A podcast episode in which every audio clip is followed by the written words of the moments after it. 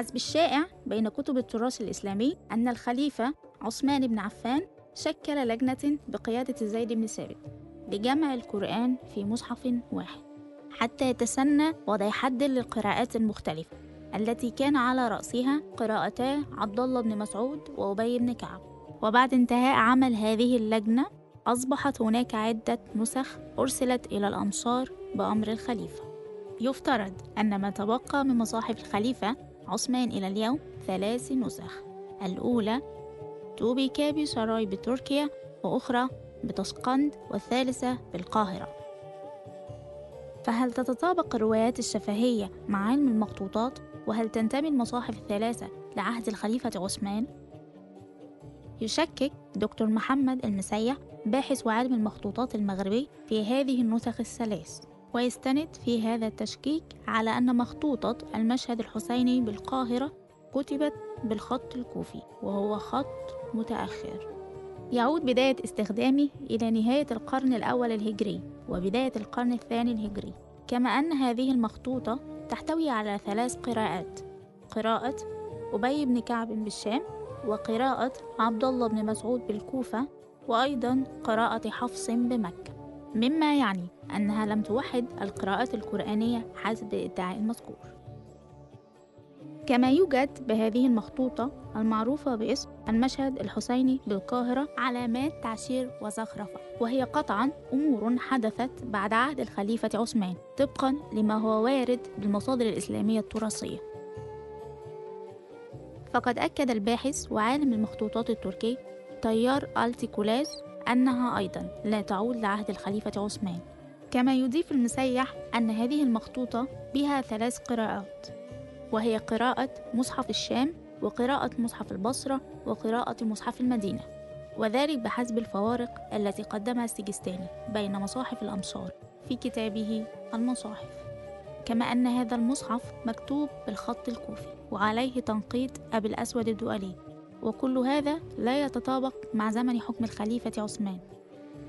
وتتطابق الملاحظات نفسها تقريبا حول مخطوطة تشقند إذ يذكر أستاذ الفلسفة الإسلامية دكتور يوسف زيدان أن الرق يعود فعلا لنفس نوعية رقوق القرن الأول ولكن النقوش المستخدمة لا تتطابق مع عهد الخليفة عثمان.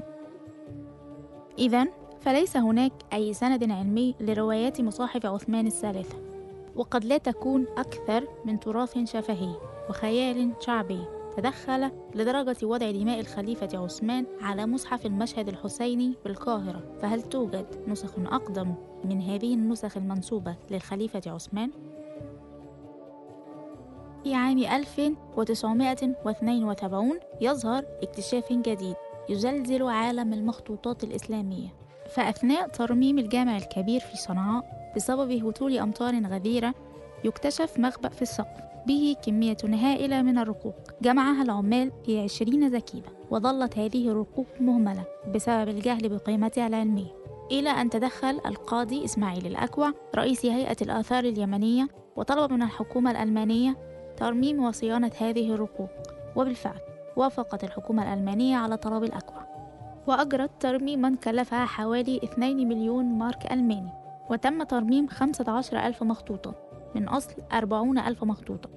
وتعود بعض القصاصات إلى القرنين الأول والثاني الهجري. وبحسب المستشرق الألماني غارد باوين أنها كتبت بالخط الحجازي المائل الذي استخدم فعلا في فترة صدر الإسلام. وبحسب دكتور المسيح تنقسم مخطوطات صنعاء إلى خمس مجموعات أساسية.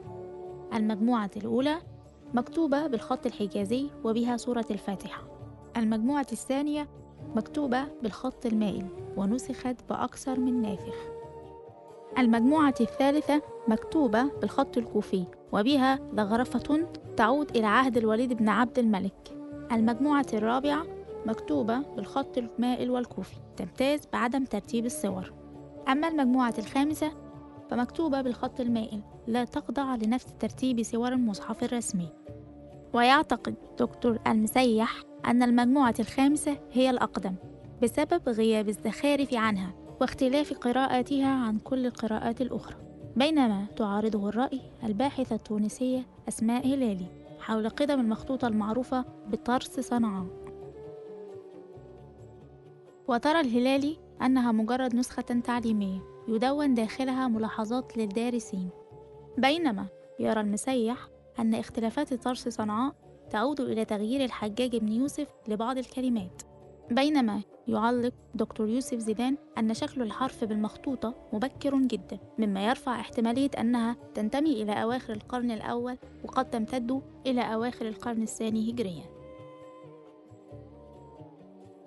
ولكن مع كل هذا يبقى السؤال أين النسخة الأقدم من القرآن؟ حسب البروفيسور ديفيد توماس أستاذ اللاهوت في جامعة برمنغهام أسفرت الاختبارات التي أجريت على مخطوطة أوراق برمنغهام عن الاحتمال القوي بأن الحيوان الذي أخذ منه كان على قيد الحياة خلال حياة النبي محمد أو بعد ذلك بفترة قصيرة.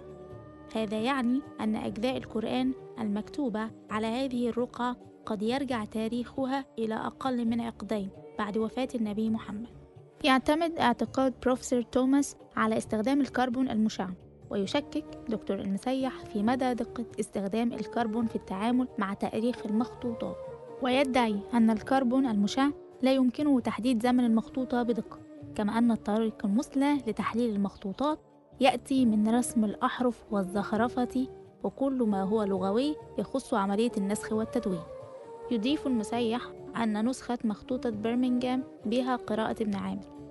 التي تعود إلى القرن الثاني الهجري وبها ألف المد التي تعود لأيام الحجاج أيضا كما يتهم المسيح ولي العهد السعودي محمد بن سلمان بالتأثير في بعض الباحثين أمثال سوزان وارل وغيرها للخروج باستنتاج أن مخطوطة برمنغهام هي أقدم مخطوطات القرآن المكتشفة إلى الآن. ولا يزال الأمر غامضا حول النسخة الأقدم من القرآن. ونلتقي في حلقة أخرى من بودكاست تاريخ الإسلام.